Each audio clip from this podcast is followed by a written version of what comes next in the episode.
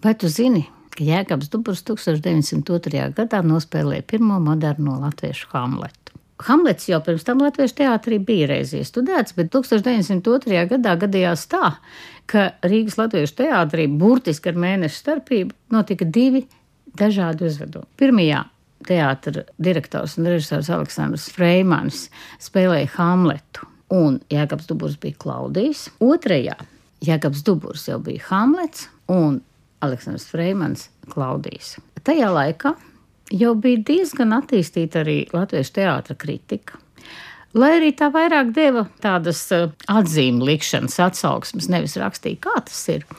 Bet tieši šajā gadījumā mums eh, ir brīnišķīga iespēja kaut maz drusciņi ieskatīties, kā tas varēja būt. Lieta tāda, ka pirmā profesionālā latviešu teātra kritiķe Luīza Skujaniece Birutas Skujnieces māte un, starp citu, Adolfa Aulnāna māsa, rakstījām par to iestudējumu, kurā Hamlets spēlēja Jēkabs Duburs, visnotaļ augstu novērtēja pašu iestudējumu, bet uzrakstīja, ka vienīgā vājā vieta bija Jēkabs Duburs, jo spēlēja tēlu, kas neatbilda viņa dabas dotajām īpašībām.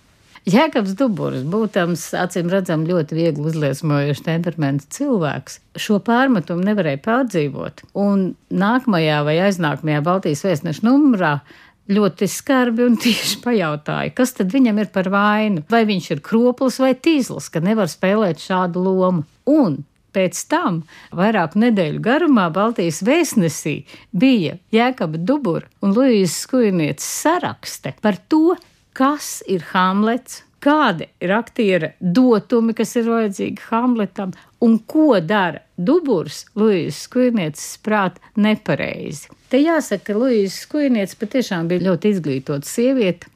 Ilgāku laiku strādājusi Pēterburgā par mājas skolotāju, un arī ļoti daudz skatījusies Pēterburgas teātrus. Un kā viņa pat rakstīja, Pēterburga izsmalcināja manu garšu.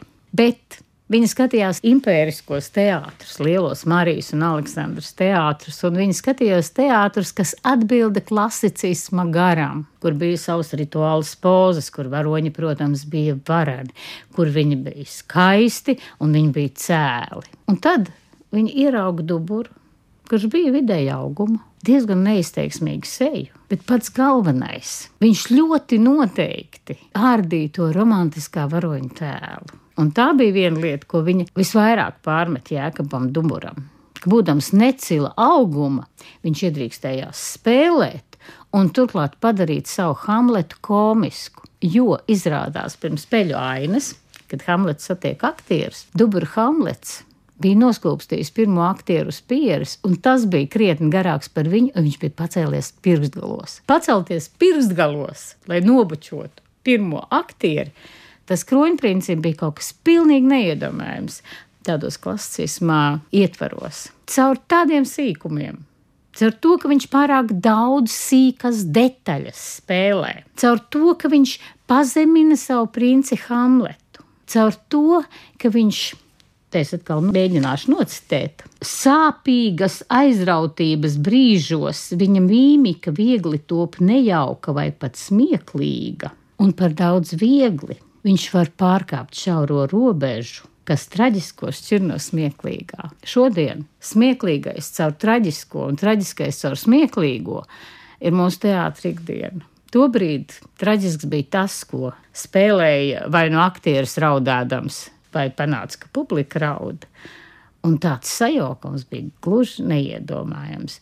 Jēkabs Dubors to darīja. Tieši tāpat kā viņa lielie laika biedri Vīnē un Berlīnē un citos rietumu Eiropas teātros. Tur jau varēja, Latvijā vēl nevarēja. Latvijā to vēl Luīzes Skujniec nespēja novērtēt, bet mēs to no šodienas viedokļa varam novērtēt.